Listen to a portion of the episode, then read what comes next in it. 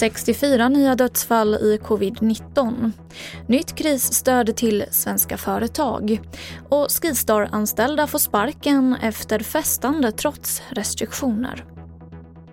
TV4-nyheterna börjar med att 64 nya dödsfall med covid-19 har rapporterats in idag. Och totalt har nu 12 713 personer avlidit av sjukdomen i Sverige. Och smittan ökar i landet enligt Folkhälsomyndigheten. Liksom tidigare så är ju inte rörelserna i Sverige riktigt lika snabba som de verkar vara i en del andra länder. Utan vi har rätt långsamma vågor upp och ner men nu under några veckor alltså en ganska tydlig uppgång tyvärr.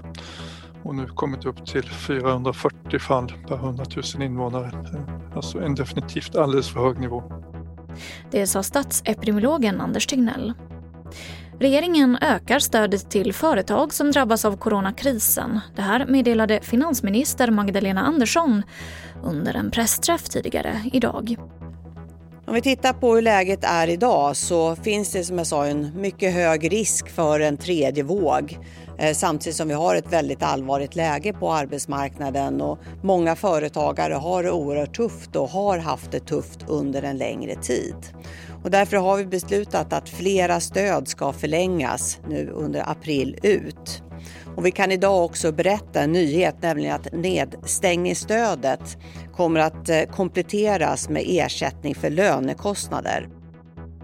Flera anställda vid Skistar i Sälen har fått lämna sina jobb på grund av en fest. Det är ett antal medarbetare som anordnade en olovlig fest som strider både mot interna regler och även myndigheternas rekommendationer under pågående coronapandemi.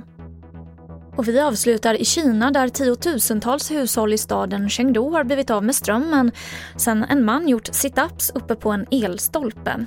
Händelsen fick det lokala elbolaget att bryta strömmen och på kinesiska sociala medier så har det här påhittet blivit viralt. Och det var det senaste från TV4 Nyheterna. Jag heter Emily Olsson.